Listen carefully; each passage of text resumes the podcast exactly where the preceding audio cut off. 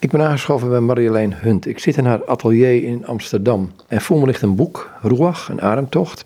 Een boek uitgegeven bij Kok Boekencentrum, uitgevers in Utrecht. Het is een boek met, vol met haar werk, haar illustratie, haar schilderwerk. Met erin haar eigen verhaal. Er staan gedichten in, eh, teksten van liederen. Het is een heerlijk boek om erheen te bladeren, maar ook een boek om te hebben, op je tafel te leggen en af en toe over na te denken over de dingen die erin staan. Marjolein, het boek Roeg een ademtocht. Um, ik wilde eigenlijk eerst een stuk voorlezen, want een van de cruciale momenten in het boek is um, de moord op jouw oom. In een Julius Zachariah Eversenstraat in Amsterdam. Um, is het slim om, om eerst een stuk te lezen? en dat is een, een, een stuk, daar staat Jeruzalem boven. En dan zien we van daaraf aan wel hoe we verder dit gesprek ingaan. Jeruzalem, troost, troost, mijn volk, zegt jullie God uit Jesaja 40, vers 1. Het rolluik gaat piepend open. Op het trottoir zie ik een zee van bloemen, maar ook een spoor van bloed. Na de overval nog één keer samen onze winkel in. Ik stap over het bloed en de bloemen heen. In de winkel hangt een doodse stilte. Het enige geluid komt van het geknars van scherven onder mijn schoenen. Het glas van de etalage, die het leven van mijn vader heeft gered, ligt als een sterrenhemel over de vloer. Alles is er nog.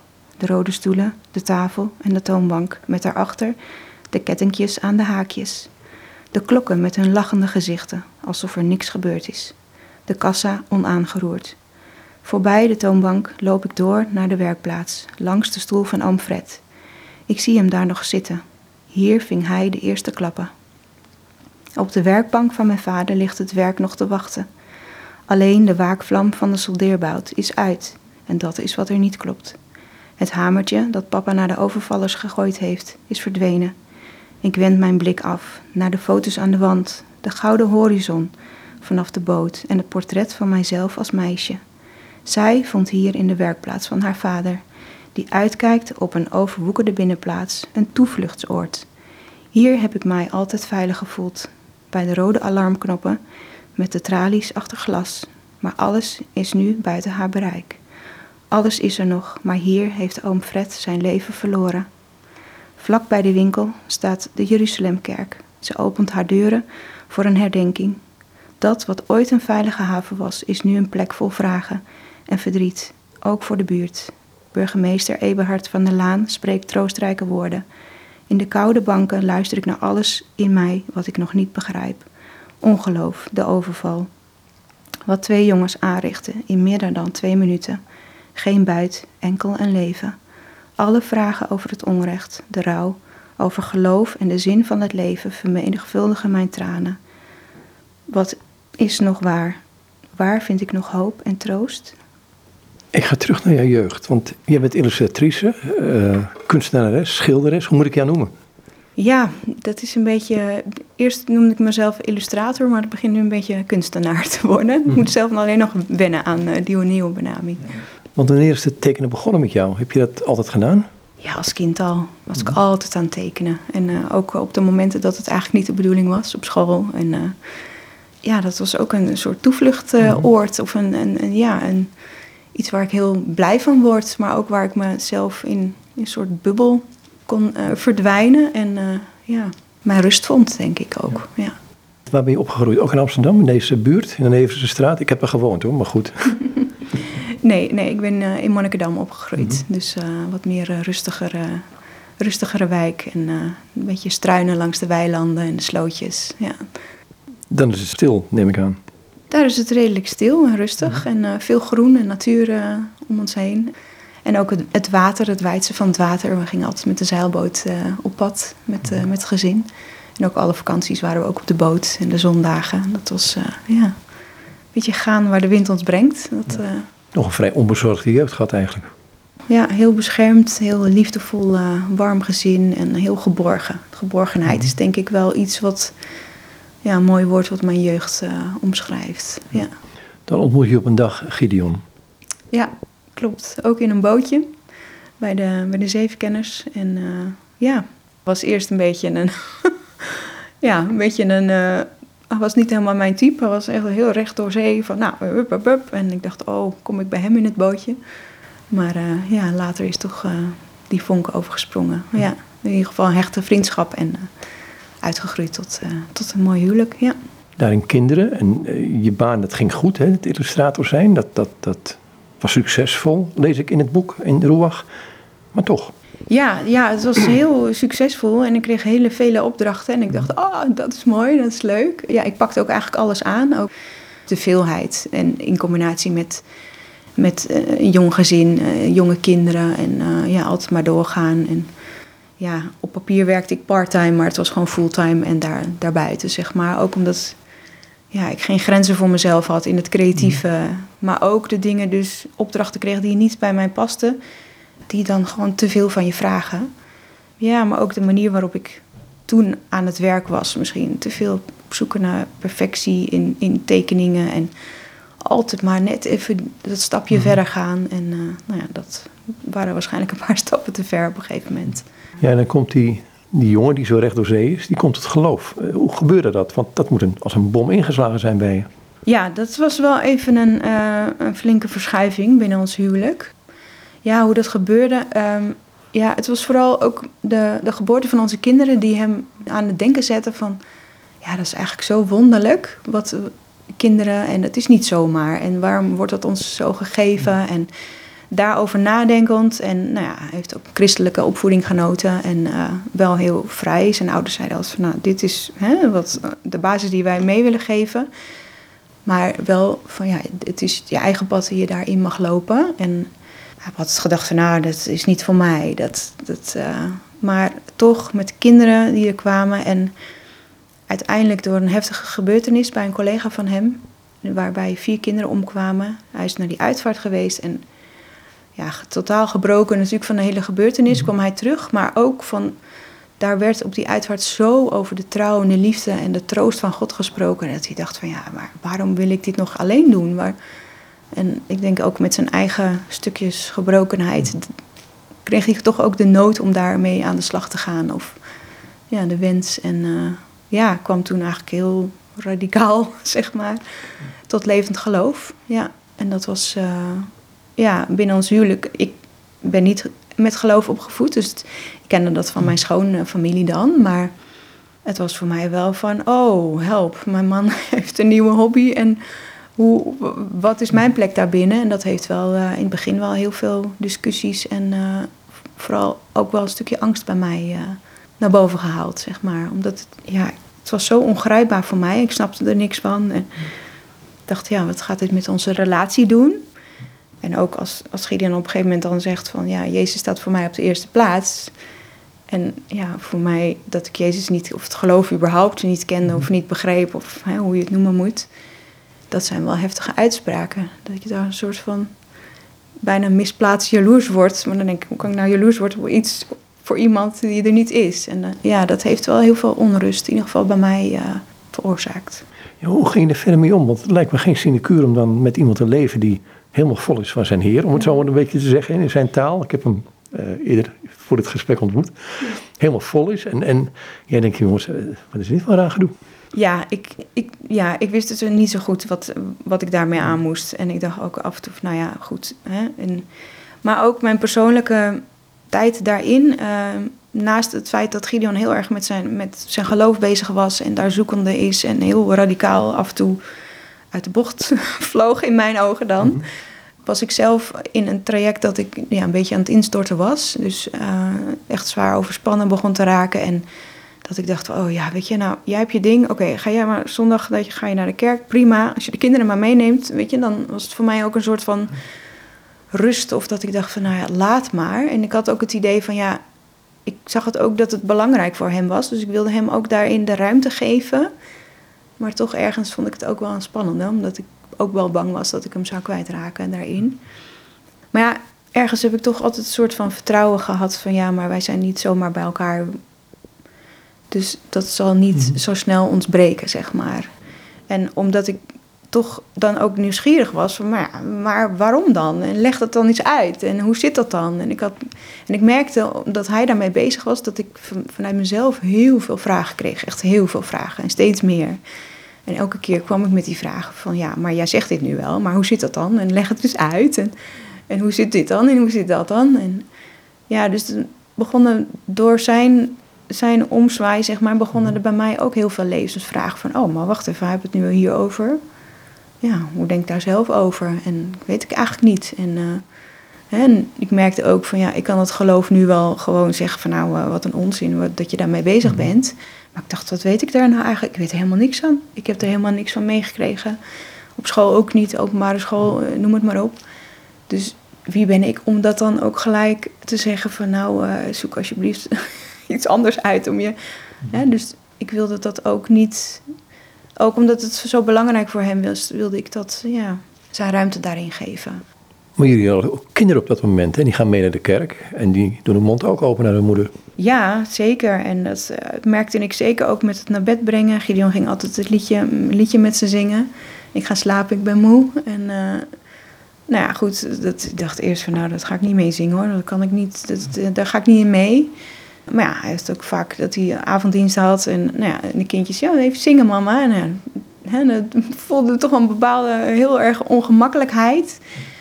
Maar ja, als dan toch je, je vierjarige zoon op een gegeven moment op een avond... dat ik, ja, toch, hè, dat ik zei, overspannen en ja, toch een beetje met mezelf in de knoop zat... dat die kleine dan opeens zegt, ja, maar mama, Jezus woont ook in jouw hartje ja, dat raakte mij enorm. Ik dacht, wow, wat is dat? Ja, dat, daar raakte ik zo van geëmotioneerd. Dat ik dacht van wauw, dit is, komt zo vanuit dat, dat kinderlijke hart. En vol, vol vertrouwen ook, van dat dat gewoon waar is. En, en dat, dat zette nog meer vragen bij mij, of maakte nog meer vragen bij mij los. Van wauw, maar hoe, ja, hoe zit dat dan? Ja. Ja, het gekke is dat je ook schrijft van uh, Gideon kon eigenlijk geen antwoord op die vragen geven.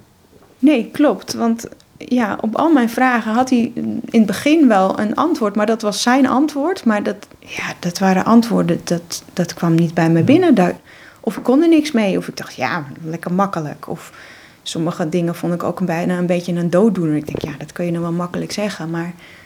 Of ja, je hebt makkelijk praten, je bent zo opgevoed. Dus voor jou is dat logisch dat het zo is. Dus ik merkte wel dat. Maar dat dus, dat ik dus niet met zijn antwoorden um, aan de gang kon. Ja, zet me ook wel weer aan het denken dat ik denk, ja, maar waar luister ik nu naar? Hè? Luister ik naar de, de antwoorden die anderen hebben? Of ga ik op zoek naar mijn eigen antwoorden daarin? En ja, en op een gegeven moment was Gideon mijn vraag een beetje zat. En toen hadden we elke keer zo'n cirkelgesprek waar je niet, uh, niet uh, waar je niet rondkomt, zeg maar. Uh, een beetje raar gezegd. Maar dat hij zei van ja, schat, er is maar één die jou die antwoorden kan geven. En dat is God zelf. Ja, dat is dan een van die, wat ik toen zag als een dooddoener. Van ja, de, maar hoe dan? Weet je, ik ken God niet. Ik weet niet eens waar, waar ik het zoeken moet of hoe ik hem zoeken moet. Maar goed, op een gegeven moment kwam er dan uh, een introductiecursus uh, tot christelijk geloof uh, via een flyer op een, een ja, op een moeilijk moment kwam er een flyer op me, bij me. En, uh, toen zei hij, nou, schat, dat is echt wat voor jou. Daar kun je al die vragen stellen. Ik dacht, nou, daar ga ik echt niet heen hoor. Dat vind ik veel te spannend. Dat, uh, dat, dat, nee, dat ga ik niet doen. Maar uiteindelijk, omdat ik toch niet zo met die vragen uit de voeten kwam, ik dacht, nou, weet je, oké, ik ga die eerste mhm. avond, ik neem, ik heb ook echt letterlijk een paar A4'tjes vol met vragen geschreven, die heb ik meegenomen. Ben naar zo'n avond toegegaan en gezegd van, nou, ik heb heel veel vragen. En, uh, maar ja, uiteindelijk uh, heb ik alleen maar heel veel tranen gelaten daar. En uh, ja, merkte ik dat er een bepaalde ruimte kwam voor ook mijn verdriet en mijn emoties. En ook dat op elke vraag die ik dan hun, de mensen die dat leiden, stelde, kreeg ik een wedervraag. En dat vond ik eerst heel vervelend. Ik denk, ja, maar ik kom hier voor dat antwoord.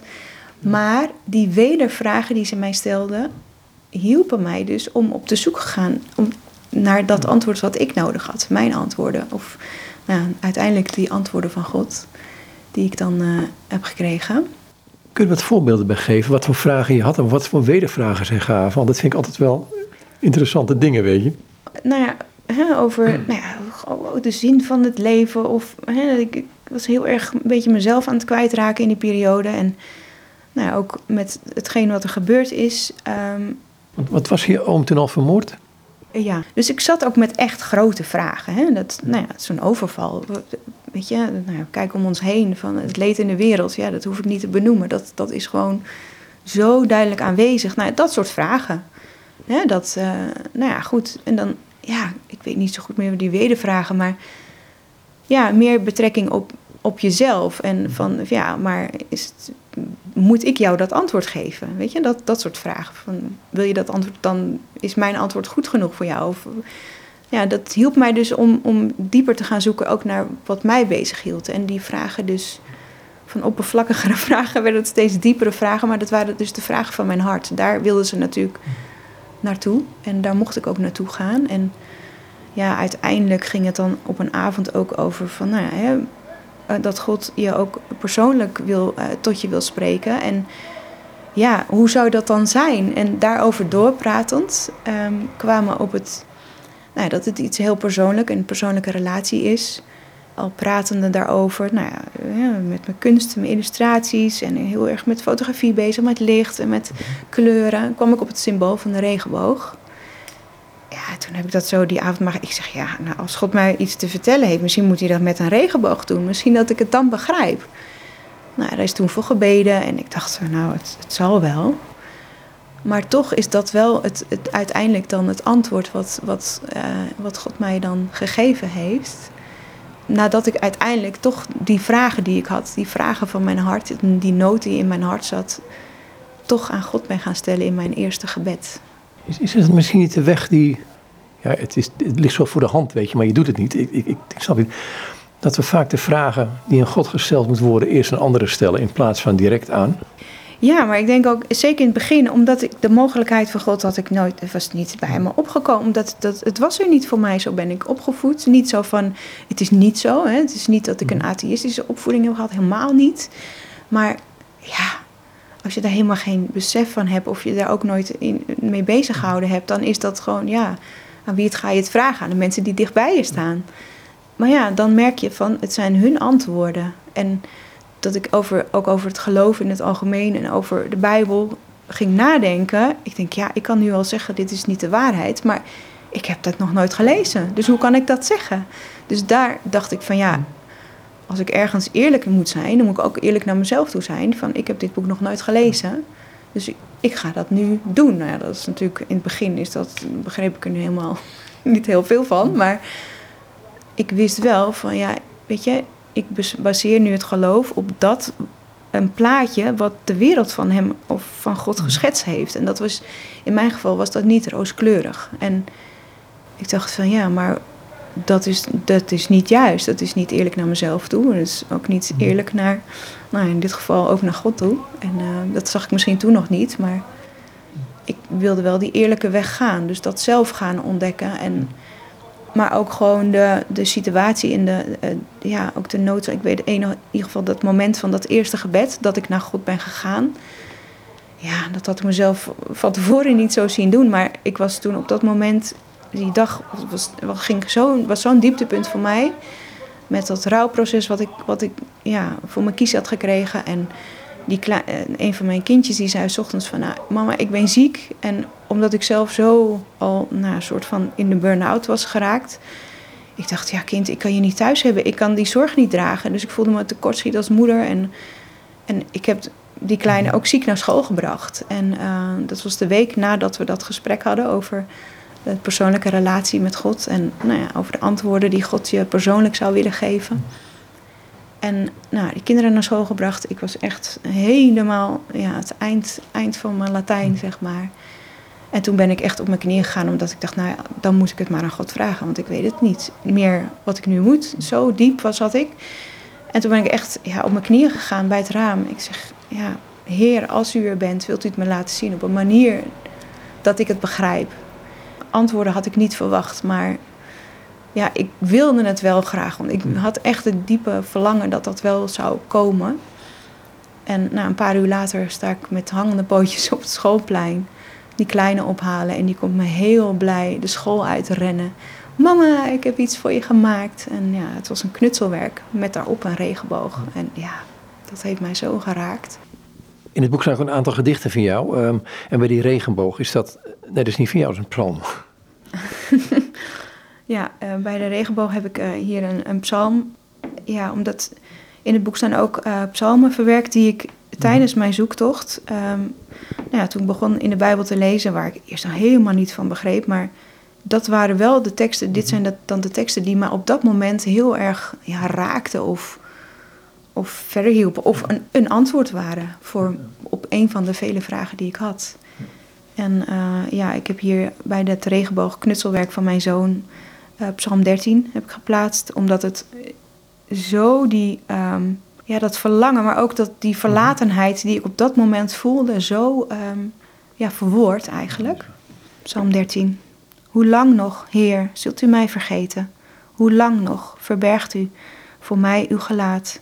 Hoe lang nog wordt mijn ziel gekweld door zorgen en mijn hart door verdriet overstelpt, dag aan dag? Hoe lang nog houdt mijn vijand de overhand? Zie mij, antwoord mij, Heer mijn God. Verlicht mijn ogen, dat ik niet in doodslaap wegzink. Laat mijn vijand niet roepen, ik heb hem verslagen. Mijn belagers niet juichen, omdat ik bezwijk. Ik vertrouw op uw liefde. Mijn hart zal juichen, omdat u redding brengt. Ik zal zingen voor de Heer. Hij heeft mij geholpen. En dit was het moment dat jij nog aan het zoeken was. Dat je, want je zegt, um, ik proef ook uit het, uit het boek, en, en, ook al voordat uh, je oom vermoord werd, um, toch een stuk verlatenheid bij je. Een stuk zoeken naar van, uh, wat, waar gaat het om? Ja, ik denk echt omdat ik vooral ook een, een stuk van mezelf ben kwijtgeraakt. En dat, dat kwam heel erg tot uiting ook in die burn-out die ik uh, toen gekregen heb. Kun je dit uitleggen? Ja, ik denk misschien ook wel omdat ik mezelf gewoon ontzettend voorbij gehold heb. Mm -hmm. Als een soort van, ja, ik zie bijna een soort plaatje voor me. Dat ik als, mm -hmm. als drukke vrouw en alles maar in, in mijn eigen hand wil houden. En maakbaar. En, en ik zie me zo echt voorbij rennen. En en dat er een heel klein, klein meisje daar blijft staan en mij, mij nakijkt van waar ga je heen. En ik denk die splitsing ergens of zo, dat, zo ervaar ik dat een beetje zoals dat in die burn-out uh, tot uiting kwam. Met die hele rouw en, en dat ja, de trauma van hè, de, de overval. Ik was natuurlijk niet bij, maar hè, als we het over hebben aan het begin over geborgenheid, hè, dat, dat, die veilige plek, ja, die was voor mij weg. En als je nog met jezelf door één deur kan, of je je, je happy voelt, of je thuis bent bij jezelf, dan, ja, dan heb je nog ergens een soort ankerpunt. Maar dat was voor mij ook weg. En dat, ja, dan, dan ben je een soort transparante versie van jezelf. Dan blijft er niet veel van je over. Ik wist ook niet meer waar, met werk waar ik heen moest. Uh, ja, met al die levensvragen. Waarom ben ik hier?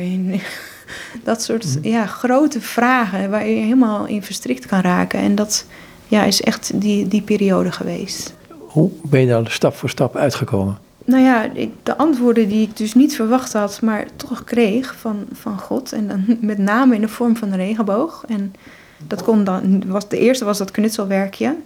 En wat ik dan ook weer zo bijzonder vind, is dat het een knutselwerkje uit een, uit kinderhand is. Het is ook iets hè, geschapen uit een, het kinderhand ja, dat raakt mij op de dag van vandaag nog steeds. En ik denk ook, ja, ook dat kind in mij, wat ik zo ben kwijtgeraakt, dat, ja, daar raakt het natuurlijk. Maar ook gewoon de boog hè, met weersomslag. En, maar ook gewoon doordat ik bepaalde dingen. Ja, ik weet nog dat ik in de metro op weg naar het ziekenhuis voor onderzoek. Ook omdat ik nou, aangezichtsverlamming had. En daar moest ik nog een hele lopend traject onderzoeken over. En ja, dat ik gewoon in een metro zit. Dat ik in een drukke metro met allemaal mensen om je heen. En ik zat er echt te huilen, te grienen bijna, met geluid en met snot en alles. En er is gewoon niemand die vraagt, mevrouw, gaat het wel? En dat, ja, weet je, da, dat zijn echt van die momenten dat ik, ik, ik voelde me zo eenzaam dan. Weet je wel, er is niemand, iedereen ziet het, want je, ziet, je voelt mensen kijken. Maar er is gewoon niemand die vraagt, gaat het wel? En ja, dat zijn eenzame stukjes. En ook in dat als je zo'n burn-out, je kan het ook niet goed verwoorden. Wat, uh, dat is het lastige ook, dat je het niet kan verwoorden. Wat je doormaakt, die leegte of die, die, die, nou ja, dat gespletene, wat ik bijna, ja, die intense vermoeidheid of leegheid die je dan voelt, dat kon ik ook niet goed verwoorden naar anderen toe. Ik heb verschillende hulpverlenings wel dingen gedaan, maar ja, de enige vorm of uitweg was toch het, dat teruggaan naar dat kind in mij, dat schilderen, dat tekenen, dat En dat daar proberen te vertalen voor mezelf. Daar, daar merkte ik wel dat dat een soort rust gaf. Ja. Kwam er ook angst om de hoek kijken? Ik had heel veel last, last van angst, ja. En ook denk ik omdat, nou ja, een overval is natuurlijk... Die winkel was voor mij, dat was ook wel die plek van dat kind. Dat, zo'n wonderlijke plek. Ik weet dat ik daar als kind al kwam, vaak wel, en in mijn beleving vaak. En ja, het was een soort van veilige plek, mooi, waar mijn vader die, die de ringen zat te smeden. En die ambacht en de, de kunst daarvan en het handwerk en alles wat daar omheen hing.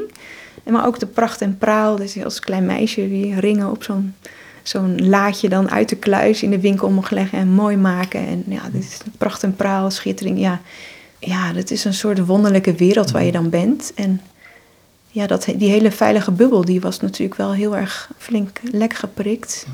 Dus het is denk ik dat stukje geborgenheid waar het, waar het gebroken is. Je werd niet gezien? En je man en kinderen? Ja, door mijn man en kinderen wel. Ook door vrienden om me heen. En ja, ook wel vrienden die gaandeweg weer van mij weg waren. En, mhm. ehm, maar toch ook wel, wat ik dus merkte, is dat de. Nou, ik was toen die, die ja, Alpha-cursus, die uh, introductiecursus gaan doen. En ik merk, ik voelde echt gewoon de oprechte betrokkenheid naar mij toe. Van wie ben je en wat heb je nodig en welke vragen heb je. Nou, en eh, dus ook naast praktische hulp, maar ook gewoon dat ze nou ja, echt oprecht geïnteresseerd waren wie, wie ik was en wat mijn verhaal was. En weet je, zonder met kant-en-klare antwoorden te komen ja, ik voelde een soort veilige ruimte of zo. En je gezien, ja, en natuurlijk, ja, mijn gezin heeft natuurlijk, hè, nou ja, als de kinderen al dat soort dingen zeggen, hè, Jezus want in jouw hartje, dat kon ik misschien toen de tijd nog niet ontvangen, maar ik voelde wel dat ze, daar, dat, ze dat wel meenden en dat dat echt vanuit hun hartje zo uit liefde werd gedeeld. Dus ik voelde me wel gezien, maar toch was er een stukje in mijn zoektocht, zeker dat zoektocht naar God voel, heb ik toch een stuk eenzaamheid. Het is toch een weg die je alleen moet gaan. Wel met God dan. Hè? En uiteindelijk, als je hem vindt, dan weet je dat je niet alleen bent. Maar dat stuk daarvoor, als je dat nog niet beseft of niet ervaart, dan is dat, is dat een eenzame weg. Is die, en ik bedoel niet de negatieve eenzaamheid, maar die alleenheid, is die gebleven? Nee, nee, omdat ik nu weet dat God bij mij is. Ja, door alles heen eigenlijk. En ik heb nog, eh, nou ja, de afgelopen twee jaar mijn tweede burn-out gehad. Maar dat is zo'n andere ervaring geweest dan de eerste keer. Omdat ik nu, ja, me echt gedragen voel door God. Het is, weet je, die bodemloze put waar ik eerst ingevallen was. Ik weet dat er een bodem is voor een hand is die mij gewoon draagt en opvangt. En uh, als het daar dan even donker is, dat zij dan maar zo. Maar ik weet wel dat, ik, dat er, ja, dat ik gedragen word. Ja. Welk moment werd het realiteit in je leven? Dat je dat ging beseffen dat je gedragen werd? Ja, ik ben een beetje letterlijk terug naar de natuur gegaan. Dat ik met een herstel bezig was en nou ja, ook een soort, wel een soort van godsbesef had gekregen. Mhm. Ik weet nog dat ik dan heel veel ben gaan wandelen in de natuur. En dat is natuurlijk al een plek waar ik me heel erg snel al vrij voel of op mijn gemak. Of waar er ook de stilte is. Als je naar de, de geluiden van de natuur, de vogels of zo is een bepaalde, toch een bepaalde stilte. Ze maken geluid, maar er is een bepaalde rust of vrede of stilte in. Een soort, nou ja, letterlijk gezegd een soort natuurlijk geluid. terwijl je als je hier op de straten met de auto's en oh, het is allemaal zo een en al overprikkeling en ruis, wat, wat je kan afleiden tot, nou ja, dat, dat alles wat. Ik heb echt een beetje, ja, ik heb dat ook in mijn boek beschreven. Ik ging van buiten naar binnen. Ik ben echt vanuit de natuur kwam ik een beetje ook binnen bij mezelf. Ja, en toen was ik dus heel erg bezig ook met die, met die op adem komen. Mhm. En nou ja, mijn boek heet ook Ruach. En uh, zo voelde ik het echt dat ik op adem kwam bij God. En uh, dat die vragen steeds minder belangrijk werden. Omdat er steeds meer, ik dacht, ja, maar God is het antwoord op een gegeven moment. Dat was een soort ademgebed wat er een beetje ontstond. En zo, zo kwam er meer rust en kwam ik echt op adem. Dan komt er toch een moment dat je, dat lijkt wel een volgende stap, dat je, dat je werkelijk tot die overgave komt aan. Hè? Ja, en dat, dat was nog een, een moeilijke. Je hebt, ik had dan op een gegeven moment wel het godsbesef, maar om dan helemaal daaraan over. Je blijft, ik zat heel erg nog met twijfels. En, met, en het is zo ongrijpbaar natuurlijk. En je hart openstellen voor iets wat je nog niet, wat je niet. Ja, ik weet nu ook, je kan het niet begrijpen. Je moet dat echt ervaren. Maar als je niet die deur openzet, dan ja, kun je dat ook niet ontvangen, zeg maar. Dus, en dat stukje, dat, dat stukje in dat, die overgave. En ja, ik weet nog één avond dat kwam dat heel erg ja, is dat gebeurd, zeg maar. Ik weet nog een avond dat ja, ik toch echt heel erg die vragen had. En dat Gideon, Gideon me echt uitnodigde. We gaan bidden. je moet je overgeven aan, aan Jezus. Laat Jezus in je hart toe. Ja, dat ik echt had, maar dat durf ik eigenlijk helemaal niet. Dat vond ik zo groot. Dat vond ik, ja. Maar dus zijn we toch aan de rand van het bed, allebei op onze knieën. En nou, hij ging bidden. En ik heb toch echt ja, mijn hart opengezet van, nou, oké, ik ga het nu doen. En het, ja, dat is, dat is bijna niet te, te, te omschrijven of te vertellen hoe, hoe, dat, ja, hoe je dat ervaart, zeg maar. En ik weet alleen maar dat echt een sluis van tranen open ging. En, ehm, maar daarna, maar echt gewoon ja, een soort serene stilte was. En het enige wat ik nog hoorde was ja, het ruisen van, van mijn eigen adem. Ik voelde me echt, ik lag op het, nou, voorover op het bed en ik voelde me echt gedragen door mijn adem. En ook het ruisen van, die, van de gordijnen, de wind. En dat was echt zo'n serene stilte die daarna was. Ja, we zijn ook heel lang ingebleven. Ik denk, ja, maar dit is die vrede. Dit is, dit is waar, ik, waar ik zijn wil. En, en ja, dat is nog steeds als ik nu overmand word soms door emotie. Of, of dat ik denk van, heer, ik snap het niet. Dan is dat die vrede waar ik, waar ik naar verlang of waar ik heen wil. Je bent bijna bang om te bewegen, om iets te zeggen hè, in zo'n moment. Ja, en dat kon ook eigenlijk niet. Nou ja, dat is het, misschien dat stukje overgave, dat ik me echt op het bed heb laten rusten. Dat ik denk, oh, nu laat ik echt, weet je, alle spieren los, alles. En dat het enige wat ik dus nog voelde was dus, nou ja, dat, je, dat ik zelf soort van, eh, gedra ja, gedragen door mijn adem. En dan denk ik, ja, ja, als je dan nadenkt over de natuur en, en over de schepping, ja, het eerste geschenk wat we gekregen hebben, van de mens kreeg van God, is die adem, de ruach, de, ja. En dat ja, werd zo duidelijk toen voor mij. Ja. Daar begint je boek mee, hè? Gek genoeg. Terwijl je helemaal geen gelovig iemand was in die tijd. Ja, ja klopt. Ja, en dat, dat woord roeach, dat, dat heb ik toen in mijn, tijdens mijn zoektocht, eh, was ik nog echt vol in mijn twijfels en eh, in mijn, op mijn achterste benen van, nou, ik wil het, ik ga dit niet geloven. En, maar kwam dat eh, in een preek naar voren. Ja, dat heeft me toen zo gegrepen. De, ook de, maar dat is ook, ja, ruach, het Hebreeuwse woord. Mhm. Ja, dat heeft zo'n rijke betekenis. Het staat voor de adem en het ruisen van adem. Voor de wind. Nou ja, dat, dat kind op de zeilboot, dat is zo verweven daarmee. Maar het is ook heel erg voor de Heilige Geest. Ja, de ruach, de, geest die over de wateren, bij al begin van de tijden. En, maar het heeft ook nog een soort rijkere betekenis van je, je ruach, je, je diepste zijn. Dus dat is meer dan je karakter. En dus echt de diepste van, van wie jij bent. En ik, dat is wat ik zo aan het zoeken was ook. En wat ik kwijt was. En waar ik mee nou ja, bij God gekomen ben. Van ja, maar uh, hè, wie ben ik? En, en, en ja, wat ik nu zie van ja, dat ik nu mag worden. Ja, wie ik ben, wat God voor mij bedoeld heeft. Hoe hij mij bedoeld heeft. En ik denk dat als je daar komt, zeg maar, dat, dat eh, worden tot wie God jou gemaakt heeft, dat je dus dan ja, steeds meer vrede ook nou ja, met jezelf, maar ook gewoon ja, ja, meer tot je doel komt. Maar het klinkt een beetje zo weer. het, het, klinkt, het, klinkt, het klinkt alsof je er bent, maar je bent er nog niet. Want op het moment dat dit gebeurde, um, zou je denken, nou ja goed, alles, alle problemen opgelost. Maar in tegendeel, het leek wel meer op je af te komen. Ja, en zeker ook dat ik dan twee, tweeënhalf jaar terug weer die tweede burn-out. Mm. Toen dacht ik wel, wel van, wacht even. Hè? Ik heb die keuze gemaakt en ik had toen net een kinderbijbel geïllustreerd. En echt prachtige dingen kwamen op mijn weg. En nou ja, hè, mezelf aan het geloof gegeven, gedoopt, alles erop en eraan. En toen kwam toch die tweede burn-out. En, maar het was toch anders dan die eerste. Het was heel zwaar, want um, ten eerste met een burn-out, je kan niks, je bent helemaal uitgeschakeld. Alles, je kon zelfs niet meer normaal schrijven, want ik huzzelde letters en helemaal in mijn hoofd was alles in de war. En, dus het was heel zwaar weer en heel donker.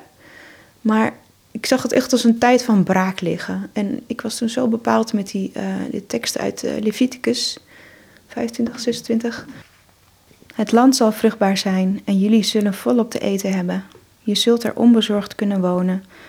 En mochten jullie je afvragen waarvan je het zevende jaar moet leven, als je niet mag zaaien en oogsten, bedenk dan dat ik jullie het zesde jaar zal zegenen met, een oogst die voor drie jaar toereikend is, zodat je in het achtste jaar weer kunt zaaien en tot in het negende jaar kunt leven van oude oogst, totdat je dat jaar de oogst kunt binnenhalen.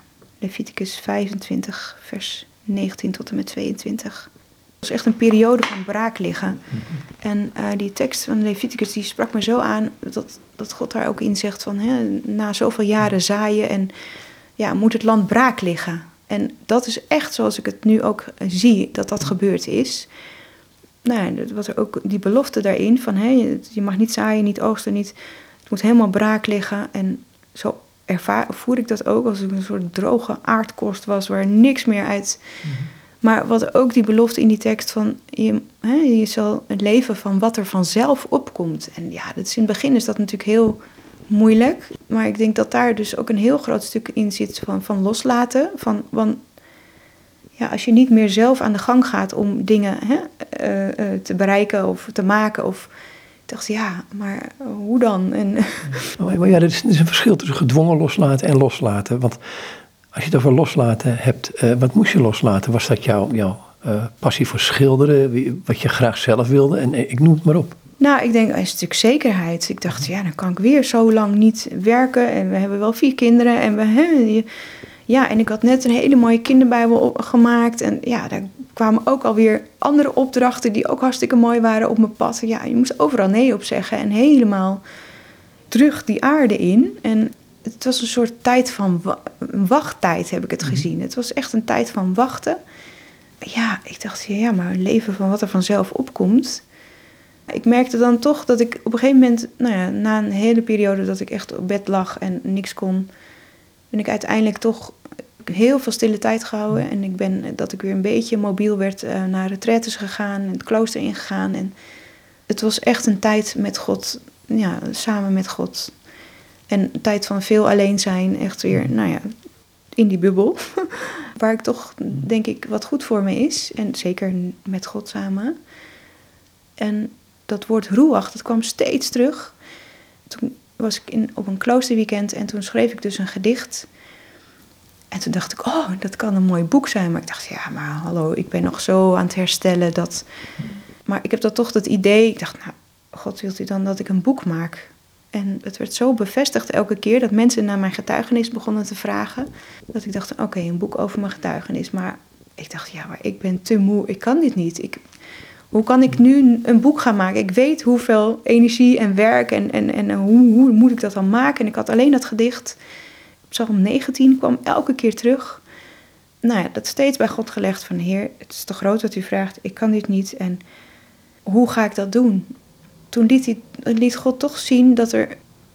Ik ging dus terugkijken naar wat er al was aan schilderijen. En ik merkte ook dat ik weer heel veel, ja, toch weer zelf vanuit mezelf, maar ook om die emoties en dat dingen. Uh, dat rouw, ik was heel erg met rouw, uh, die rouwverwerking die eigenlijk nog niet had plaatsgevonden. Die rouwverwerking is nu tijd om dat stuk aan te pakken. En daar was dus ook die tijd voor nodig om even braak te liggen en daarmee aan de slag te gaan. En daar ben ik heel erg gaan, die rouwverwerking ben ik heel erg gaan schilderen en tekenen en, en schrijven uiteindelijk. Dat ik weer een beetje normaal woorden kon schrijven. Dus daar rolden gedichten uit. Maar toen ging ik toch ook, ik dacht, oh ja, die tekeningen die in mijn dagboeken staan, uh, van mijn zoektocht, de jaren daarvoor, ben ik mhm. op gaan zoeken en weer gaan bekijken. En om ze weer, ja, om, daar, ja, om dat een beetje weer, een soort van het grotere plaatje te zien van wat God allemaal al heeft laten zien. Maar ook wat ik zelf al had getekend. En ik dacht van, alles is er eigenlijk al. Alle tekeningen waren er al. En nieuwe gedichten, die legde ik naast een oude dagboektekening. Ik dacht, dus het is zo, sluit zo op elkaar aan. Dat had ik niet Eh, als ik nu had gezegd van nou, ik ga dit boek maken en ik ga daar nu alles voor bedenken. Hè, zoals ik vroeger altijd heel erg conceptueel en alles eerst vanuit mijn hoofd bedenken wat ik ga ik maken. En ja, dat, die, talent, dat talent heb ik, dat ik alles wat mijn hoofd verzint kan vertalen op papier. Maar nu was het gaandeweg al ontstaan. Er kwamen al dingen op, schilderijen die op de, in de kloosters dat ik maakte in de stilte. Juist met al die pijn en gebrokenheid bij God zijn. En die dus zo ontstonden. Het, het boek heeft zichzelf uh, gemaakt. Het is echt door mijn stille tijd met God. En ook als ik de, sommige uh, tekeningen zijn bijna schetsachtig. Dat ik denk van nou ja, dat had ik voorheen, zoals ik vroeger werkte, had ik die schets had ik die helemaal uitgewerkt en opnieuw gemaakt en een mooi plaatje bijgemaakt. Maar nu heb ik echt die pure, pure emotiedingen heb ik, staan er nu in. En dan denk ik, ja, maar het is nu veel echter geworden. Veel, ja, zoals het moet zijn. Ben je de controle een beetje kwijt? Ja, want ik heb nu gemerkt dat ik nu, ook met de manier waarop ik nu aan het werk ben, nou, ik ben niet aan werk, naar werk aan een, bijvoorbeeld een nieuw doek. Maar dat is dan vanuit omdat ik dat weer een stille periode met God wil. En dat ik dat aanbiddend of biddend aan het maken ben. Dat ik ook denk van Heer, laat u het maar zien. En dat ik dus ook zelf nu elke keer verrast word door het doek wat het, wat het uiteindelijk geworden is. Dus ik, ik pak een bepaalde kleur waar ik denk, nou ja, ik ga daarmee aan de slag. En dan kijk ik waar het heen gaat. En al biddend en ga ik aan de slag. En ja, zo zijn de meeste uh, schilderijen die in het boek staan ook ontstaande. En, dat, en dan heb ik zelf de verwondering, omdat ik dus niet van tevoren zelf alles in hand, niet dat maakbare, maar dat het ontstaat. Dus een soort scheppingskracht van het werk zelf. Het werk vertelt het, hetgeen wat ik mag zien. En zoals één doek, die heb ik ook rouwmantel genoemd. Ik was heel erg met een bijbeltekst die steeds weer terugkwam bezig. En met dat stuk rouwverwerking. Dus ik dacht, nou, dat wordt een heel somber doek. Maar toch, ik pakte wat vrolijkere kleuren. Ik denk, dat vind ik eigenlijk hele spannende kleuren. Rood en geel, dat ik eigenlijk nooit gebruik. Mhm. Maar toch, met alle tranen en alle, alle gebroken dingen die er mochten zijn. En aan de slag ging ik met dat doek aan de slag. En op een gegeven moment kwam er dus een soort... Uh, kwam er een vlinder naar voren. Nou, ik had zelf niet bedacht om een vlinder te tekenen. Maar er kwam wel een vlinder. En dat was een vlinder die ik uh, een paar weken daarvoor had gezien. En dat was de rouwmantel. En de rouwmantelvlinder wordt ook wel koningsmantel genoemd. En, en dat was precies die tekst ook die, uh, die terugkwam. Jesaja 61, waar ik al een tijd mee oploop. Ja, die belofte en dat wat Jezus ook van over mhm. hemzelf zegt, dat hij daarvoor gekomen is. Maar dat ja, is dan die verwondering die dan, dan optreedt. Je hebt dus die, die rouw, hè, dat, dat uh, je oom is doodgeschoten uh, bij een roof of, of roofoverval waar niks buitgemaakt is. Uh, hoe heb je dat een plek kunnen geven? Want er zit een enorm stuk onrecht in. Uh, wat daar gebeurd is. Um, waar je eigenlijk eh, vrij machteloos tegen staat. Ja, en dat, dat is natuurlijk nog steeds zo. En ik weet ook nog wel een moment dat ik. Nou ja, dat was ook nog wel een moment dat ik zelf nog. Nou ja, helemaal niet. Nou, ik was wel de stille hoop dat God er was. Maar ik weet nog wel een moment in de rechtszaal dat die zaak liep. En ja, dat ik het gewoon ook zo ik moet ook gewoon een soort buiten mezelf. Van, wie, wie ben ik om daar een oordeel over te geven? En nu ik weet dat God er is, dan kan ik dat stuk van oordeel of, of recht, of ik verwacht het van Hem. Mm. En dat geeft rust. Weet je, we kunnen zelf ook niet. Ja, tuurlijk, ik ben blij dat er een rechtssysteem is en of dat nou allemaal klopt en, en toereikend is. Daar merkte ik ook dat dat is het niet. Hè? Ik, ik verwacht het van God. En dan hoef ik het niet meer zelf. En dat is nog steeds, soms is dat nog steeds moeilijk. En daar zit ook een stuk vergeving in, denk ik. Wat een heel moeilijk iets is. En dus een traject wat nog gaande is, denk ik, bij mij. Mhm. Maar ja, dat, dat, dat kan ik niet zonder God daarbij. Dat zijn wel die diepere lagen waar je dan, dan komt. Ja, ik ben ervan overtuigd nu dat de gerechtigheid van, dat dat van God komt. Mhm. En dat is niet alleen maar hier, dat is, dat is, dat is ook wat verder buiten of na mijn tijd. Ik weet nu zo zeker dat God bij mij is, dus hij is ook bij dat soort dingen. Maar goed, die vergeving. Die vergeving, ja. Ja, dat is ook een, een, een verwerkingsproces waar, je, waar ik mee bezig ben. En wat ik wel merk is dat ik, dan komen we weer op die, op die uh, de tekst van Jesaja 61. Waar ook in staat van, nou ja, dat Jezus ook gekomen is om ook gevangenen een vrijlating. En dan bedoel ik dat is wel iets wat me bezighoudt en wat mij triggert. En dan denk ik, ja, niet letterlijk de cellen openzetten. Maar wat ik gemerkt heb is dat als, nou ja, wij als slachtoffer, of nou laat ik het bij mezelf houden, als slachtoffer, of was ook een soort gevangen in mijn verdriet, in mijn onmacht, in je machteloosheid, dat, in het, niet maakbare, het niet uh, in eigen hand kunnen houden of hebben. Ik kan me bijna niet verplaatsen in degene die dat op zijn geweten heeft, die, in mensen die zulke daden doen hoe zwaar moet dat zijn om te dragen? En ik merk echt dat, nou, dat ik af en toe al nou ja, voor die jongens kan bidden. En ja, ik wil er niet te veel woorden aan geven, maar weet je, ware vrijheid is dat, dat wat God geeft en niet wat de letterlijke cellen opengaan, zeg maar. Nee, die ware vrijheid, daar, dat zit zo diep verbonden met God. Ja, en dat, ja, dat gun je een ieder. Er zit een schilderij in dit boek, um, Roach. Uh, dat heet Scherven.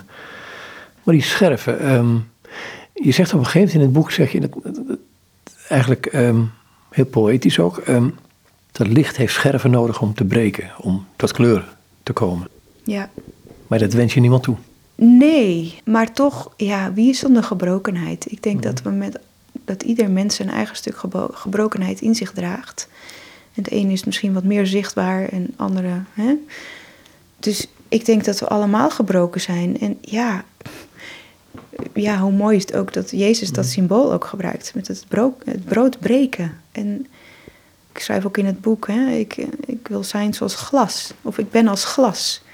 Breekbaar, maar transparant. En om dat licht door te laten.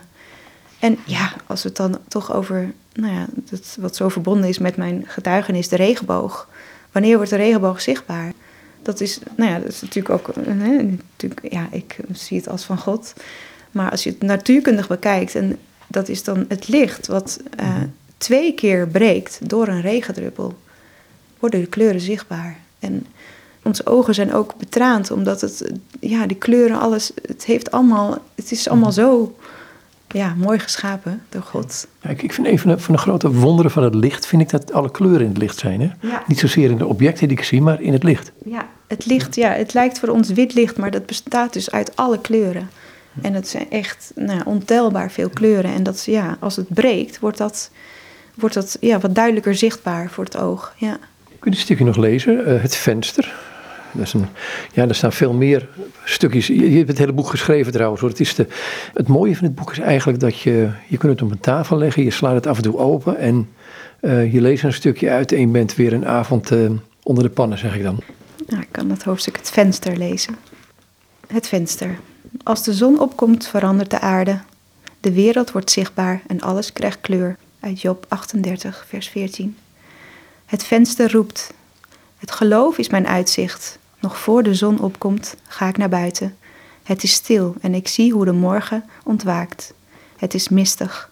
Op blote voeten loop ik door het gras en op het veld liggen parels van dauw. En ik denk terug aan die keer toen ik het dauw fotografeerde en die ene foto schoot. Dat moment dat alles anders werd.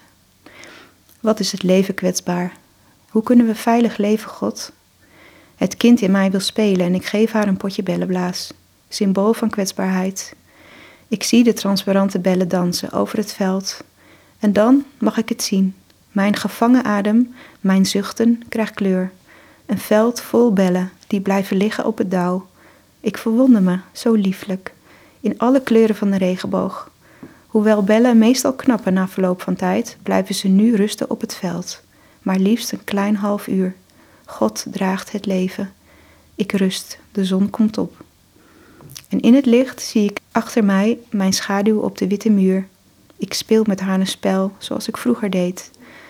Maar hoe zit dat met de schaduwkanten van het leven? Als u, God, het licht bent, waarom de schaduw zo duister, zonder kleur? In al die kwetsbaarheid, grote vragen, kleine bellen, opnieuw een ademteug. In het licht van de zon dansen de bellen van zeep langs de muur. Op het wit van het pleisterwerk wordt mijn adem zichtbaar. De transparante bellen tekenen contouren als ringen vol met licht. En dan zie ik hun schaduw, duidelijk en vol van kleur. Ik lach en duizelig van het bellenblazen vindt mijn rug de muur. Ik rust. Nog één keer door dat sop. Ik hou de ring omhoog. Ik kijk naar al die kleuren. En nog voor ik zelf kan blazen, blaast de wind mijn bellen naar omhoog.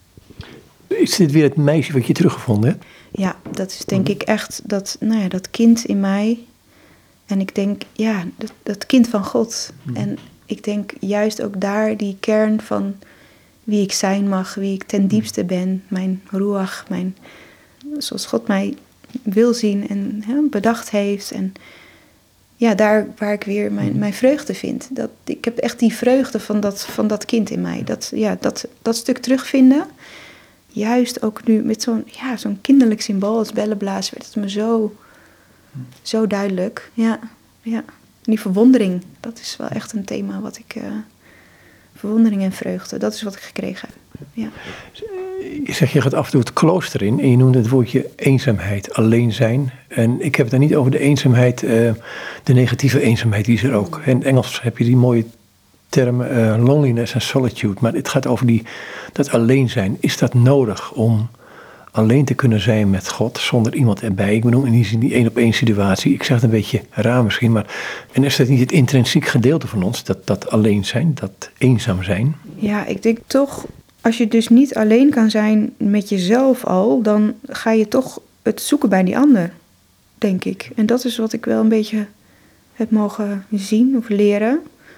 Dat je eerst, weet je, ook gewoon jezelf ten diepste leren kennen. En um, dan, ja, als je daar een beetje, anders ga je het bij een ander zoeken. Of dan, dan, natuurlijk moeten we ons ook richten op de ander. En ja, dat is natuurlijk ook in de Bijbel, daar waar twee of meer samen zijn. En maar ik denk dat dat heel toch belangrijk is, omdat je daar jezelf beter mag leren kennen. En met al je nukken en je pijn en je alles, dat dat er mag zijn. En dat je daar toch daar ook vrede mag vinden. En dat, dat, dat heb ik zelf dan heel erg gemerkt. Ondanks dat ik natuurlijk af en toe nog heel verdrietig ben over de situaties. Of, maar als je kan terugkeren naar dat stukje vrede, wat, je dan, wat ik gevonden heb, dat is mooi. En als je dat, dat kent, dan kun je dat ook delen met een ander om een ander daar misschien mee op weg te helpen. Of ja, dat is denk ik ook een beetje een reden waarom ik, nou ja, reden is omdat dit boek, omdat ik het idee heb dat God het van me gevraagd heeft, maar is ook waarom ik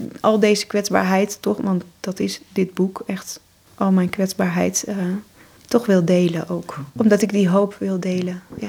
Is, is dan die, die overgave, hè? Um, daar ga ik nog één keer naartoe. Um, je geeft je over aan iemand die je nooit gezien hebt, niet kent. Voorkomen, um, ik kom ook uit een niet-christelijke achtergrond, dus het, het zijn rare momenten zijn dat. dan spring je in wezen in diepe, in, in iets waar je, en toch. En dan komt er ook het moment van dat je los moet laten wie je zelf bent. Of wat je, wat je eigen beeld van jezelf is eigenlijk. Verwoord ik het zo goed? En, en daarin ligt eigenlijk het terugvinden van jezelf, gek genoeg. Ja, ja, het is heel gek hoe dat werkt. Ja, het is echt een sprong in het diepe, maar het is toch ik heb, uiteindelijk ging het om een bepaalde keuze die ik gemaakt heb. Ik wil u vertrouwen. Ik wil vertrouwen dat die hand daar ergens, hoe donker, hoe diep dat gat ook is. Ik maak de keuze dat ik wil, daarop wil vertrouwen. En, die, en daar gaat het denk ik om, dat stukje vertrouwen. En nu ook, ik heb nu geen opdrachten liggen. En, maar ook met dit boek, hoe ik zie hoe dat ontstaan is, denk ik, ja, dat is allemaal met vertrouwen. En van, nou ja, kijken wat er opkomt. En je schrijft in het boek ergens, ik wil iets betekenen. En dan denk ik van, misschien moet je dat wel helemaal niet willen. ja, is misschien dat, dat, dat kleine kind weer in mij. Dat ja, als iemand jarig was, ging ik een tekening maken. Omdat ik dat als mooiste cadeau zag. Maar ook de werken die ik nu al biddend samen met God eh, maak, merk ik dat daar ja, zoveel reacties of, of, of dat, dat, dat dat mensen raakt. En dan denk ik, ja, daar zit dan iets in wat ik dan nou ja, zo op die manier dan kan delen. Dus het is niet zozeer van, nou kijk mij, ik wil iets betekenen voor jou, maar nee, dat het, dat het iets van betekenis heeft. Dat het, ja, dat het ehm, mensen mag raken of, of ja, misschien dat hele kleine stukje oplopen met iemand op hun gebroken weg. Ja. Misschien dit, dit als tot slot. Dat heb je ook geschreven. Ja, dat is um, een gedicht.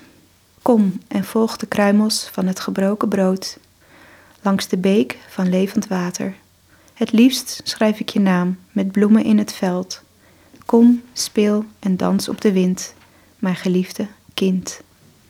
En ik wil graag afsluiten met Psalm 16.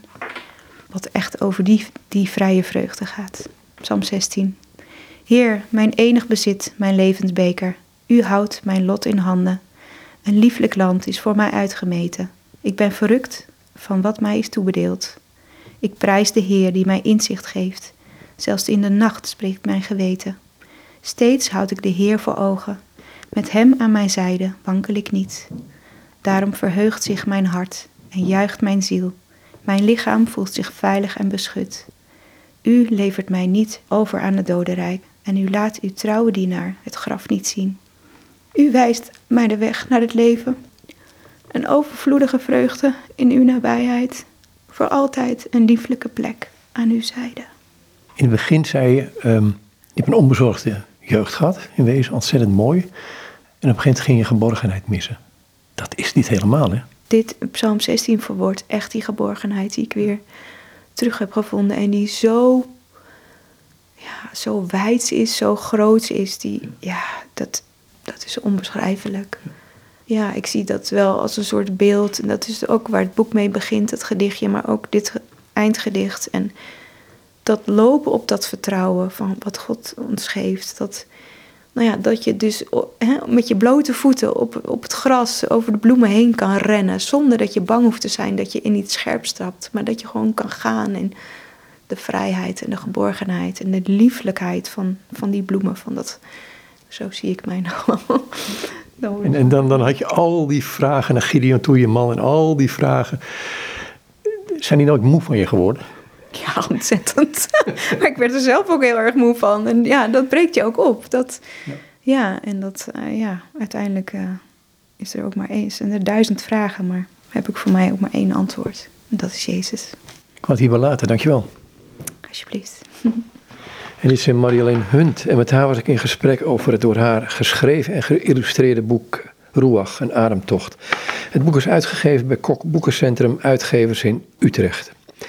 Het is een boek zeer de moeite waard, zoals ik al een keer eerder gezegd heb. Er staan prachtige prenten, tekeningen, illustraties, schilderijen in, uh, mooie teksten. Uh, het is een boek wat je op je tafel, op, de, op een koffietafel legt, zeg ik altijd.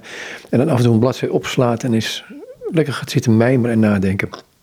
Goed, ik laat het hierbij, zoals ik al zei, tot zover dit gesprek met Marjolein Hunt.